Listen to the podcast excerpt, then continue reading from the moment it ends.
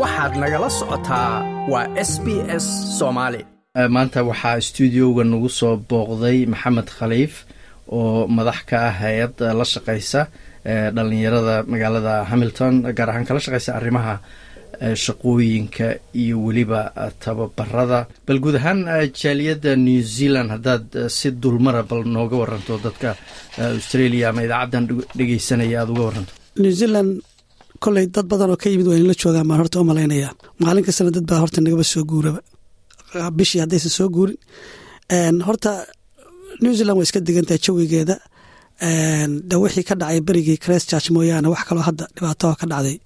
Ma jiraan. Waxaa ka jira jaaliyadu waxay u badan yihiin afar magaalo. Magaaladan ugu weyn magaalooyinka oo ah auckland jaaliyado dhowr ah ayaa ka jira oo soomaaliyeed. Waxaa kaloo ka jira magaalada wellington iyadana jaaliyad baa ka jirta. Christ churchna way ka jirtaa jaaliyad waxaan umala hadda labayba noqdeen laba ama inay jiraan baan u malaynaa christ church. Hamilton iyadana jaaliyad baa ka jirta. Weligeed ba iyadu hal jaaliyad bay lahayd oo waa dee jaaliyadda soomaaliyeed ee keli ah ee aan weligeed wax ay ku kala qaybsantay aysan jirin.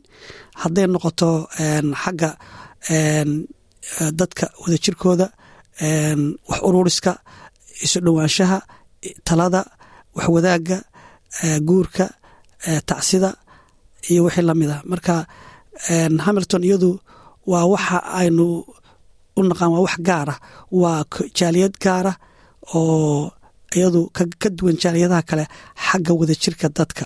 Mara qaarkood afgariiska ku dhahan unique hadday yidhaahdaan.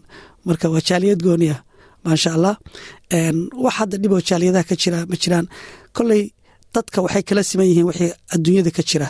Meel walba sideeday u taallaa. Waa gartay marka adigu shakhsiyan waxaad madax ka tahay hay'ad dhalinyarada soo galootiga kala shaqeysa dhanka shaqooyinka iyo tababarada bal howlahaas adigu aad qabatid. Haddaad noo faahfaahaysa hay'adatan waxaa layihahdaa migrant youth and training services baa la dhahaa. Hadda waxay jirtaa qiyaas shan iyo toban sana ah hay'adda markii hore hay'adda waxaan lagu bilaabay aan ku bilaabay qaab volunteer ah oo ah tabaruc ayaan ku bilaabay oo markaas anigu anaa iskay dadka anoo aan shaqo hayn baan iskay dadka shaqooyinka u geyn jiray dhalinyaro maaha cid walbaan geyn jiray. Marka adigu markii dambe dadkii wadanka deganaay oo hay'adihii kale oo aan u geynayey iyo dadkii unbaa i wareystay waxay ugu dhaheen adigu waxaan ma lacag baa lagugu siiyaa waxa lacag adnaguma siiso. Markaa kadib baa la ii yaro waxaa layidhi balkaalayoo waa ila tashteenoo waxaa la markaa la yidhi qandaraas baanu ku siinayna qandaraaskan qaado. Marka dee weligii qandaraas ma qaadano markii iigu horreysay bay ahayd.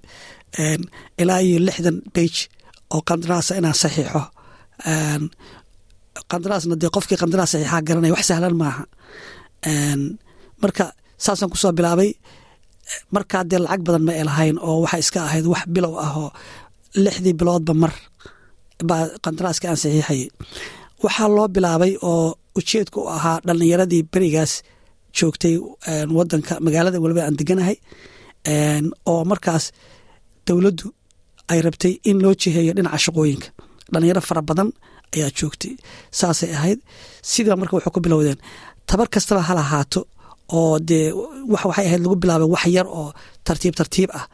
Laakiin hadda dee waagaas keligey baan ahaa. Laakiin maanta dad shaqaalaha ka shaqeeya oo umana shaqeeyo keliya dee markaas afrikaanu bay ahayd.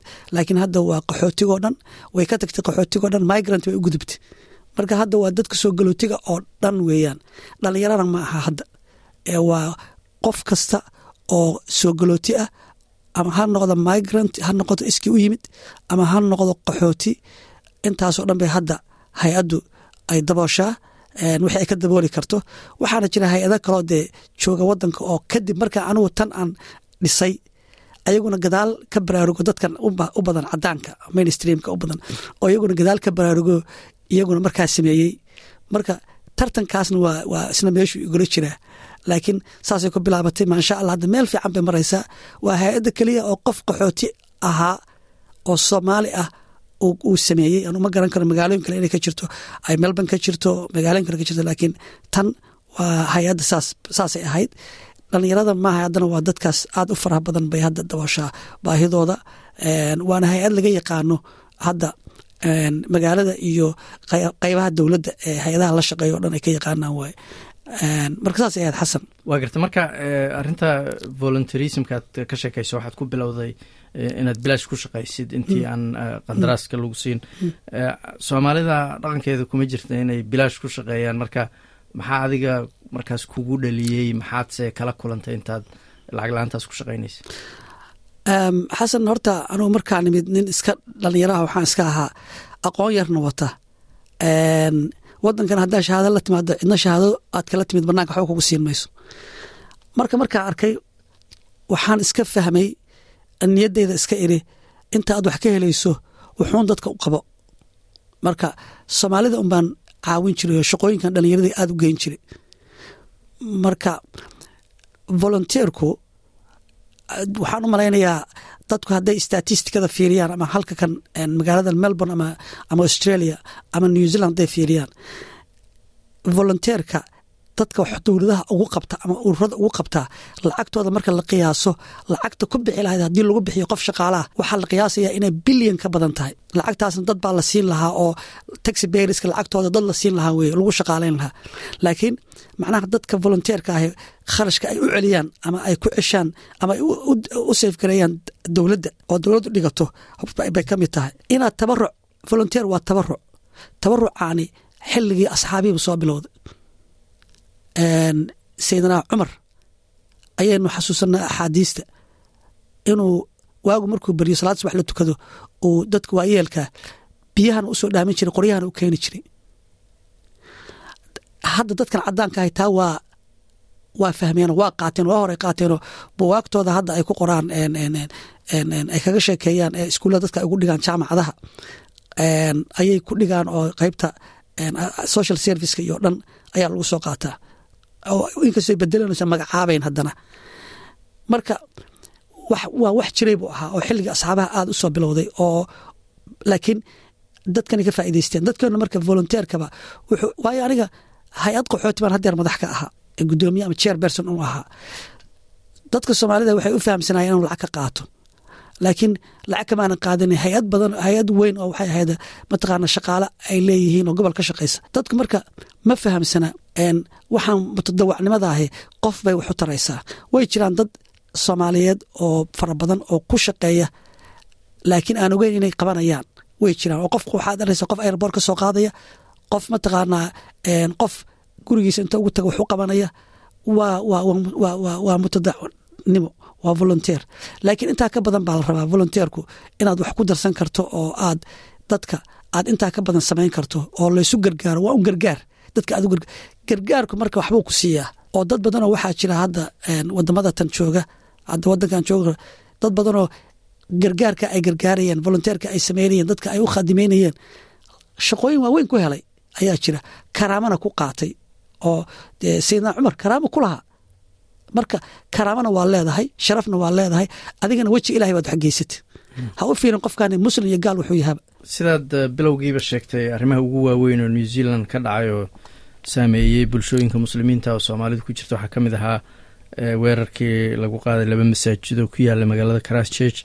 Marka dhacdadaasu sidee soomaalida guud ahaan new zealand joogta iyo muslimiinta u saameysay iyo sida dowladda new zealand laftigeedu ay uga jawaabtay iyo guud ahaan xiriirka bulsho weynta mainstreamka a la leedihiin. Arintaasi horta ma ay saameyn new zealand oo keliya. Dadka muslimka oo caalamka o dhan bay horta saameysay dadkii weliba meesha inta badan ku dhintay wadamo badan ay ka soo kala jeedeen baa jiray sida wadankan indonesia malaysia india fiji baa jiray soomaalida waa jirtay. Dad kaga dhintay waa jireen. Xaman wiil baa ku dhintay soomaalida. Wiil kalena intii abaabulka la waday oo dadka aaska iyo lagu maqnaa ayuu isaguna baabuurtii shilki ayuu ku dhintay isaguna. Marka dareen waa jiray oo dadka way taabatay guud ahaan ha loo kala badnaado. Way jirtay. Dowladda new zealand jawaab fiican oo aada u macaan ayay ka bixisay. Aniga maalintii aaska dadka la aasayey inkastoo magaaladeedu ka durugsanayd waanu gurmino waanu tagnay meeshii oo dee dadku diyaaraday raaceeno waa la tegay meeshii. Dadku marka aad baa loo soo dhoweeyey oo dadkii joogay gudaha the ground aad bay dadka u soo dhoweeyeen. Khudbaddii iyo aaskii gabadha prime ministerkana waanu joognay oo de waa daawateen telefishinada iyo qaabka macnaha dowladdu ay u dhaqantay dadkii.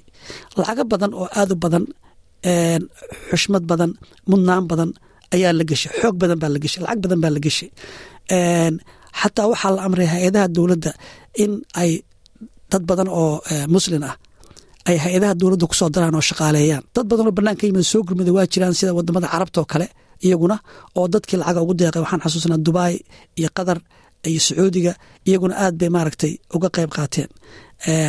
Dadka jaaliyadaha guduhuna dee tabartooda intay ahaydba ha noqoto magac ha noqoto qofka magaciisa la raadinaya ha noqoto masaajidadii ha noqoto gurmadkii ha noqoto oo weliba magaalooyin kale la tegayay dee oo qof walba dee jeebkiisa wuxuu ka bixinay ka bixinayay sadaqa. Horta waa meeshaas maasha allah ayaa ka dhacday. Dadkan allah u naxariisto dad waxay ahaayeen shuhada ah laakiin new zealand dowladdeedu in guud ahaan si wanaagsan oo karaamo leh oo sharaf leh ayay u gacan qabteen isagana ilaaliyeen. Arrinta tan inaysan u keenin wax wejigabaxa soomaali badan sidaad sheegtayba baa new zealand ka soo guura australia soo degay. Marka ma fursadaha ku yaroo sababtaas ay soomaalidu u soo guureen mise inta badan soomaalidu xoogaa dhaqan waxaanu leenahay saaxiibkayba meel hawla degan ama qof aan qaraabanahay dadku waa iska soo daba dhaceen waa iska soo daba guureen. Xasano waxaan xasuustaa qofkii ugu horreeya new zealand u soo soo aaday oo new zealand u soo haajmin australia u soo haajira magaaladeeda anaa horta aerobortka geeyey sagaashan iyo toddobadii bay ahayd. Waa gabar bay ahayd gabadha hadda way joogtaa. Ilaa waagaas dadku waa soo guurayeen. Weliba markay maqlaan sharci baa la dabcinayaa oo ugu sii daran yihiin. Horta dadku way soo guuraan. Qof walbaan waxba u soo guuraa. Dhallinyaradoo kale waxaan xasuustaa anigu waayo shaqooyinkan geen jiray mogta iyagu markay jaamacadaha ka baxaan hadday arkaan ama inaysan shaqo helin ama shaqada ay helaan ay anfici weydo horta dhallinyaradu waa iska soo haajiraan wayna u badan yihiin. Jaamacadaha ka baxay ayaga waxyaabaha wada shaqada keliya maahee waxaa wada dhallinyarada dadka badan dhallinyarada kalea soo jiidata. Oo markuu yidhaahdo ore ahaa shaqo waxaan helay adu meeqaa shaqadaadu meeqaa ku shaqaysaa sideed boqol ama kun shaqa halkaa waxaan kaaga hayaa buu leeyahay. Muxuu ahaa kun iyo shan boqolah hebel baa jooga hebel baa horta dhallinyaradu iyagu waa baab gaara. Dadka qoysaskaa iyagu haddee faallooyinkooda dhexe hoose lama geli karo. Laakiin haddee way jirtaa dad guura. Laakiin waxaan maqli jiray hees uu yidhaahaa nin laandaaqa geeliba ladigii jarka u dhow. Intuu laac isleeya soo looli kama baxo macna dad halkan u soo raadsaday nolol wanaagsan lacag u soo raadsaday baa laga yaabaa hadda inaysan say moodayeen u noqon wax walba oo xisaabta isugu toosin. Alxamdulilah ninka xisaabta isugu toostay marka taana waa jirtaa laakiin dadku weli waa soo guurayaan. Marka dadka waxaan xasuusanaya hal qodoba ah.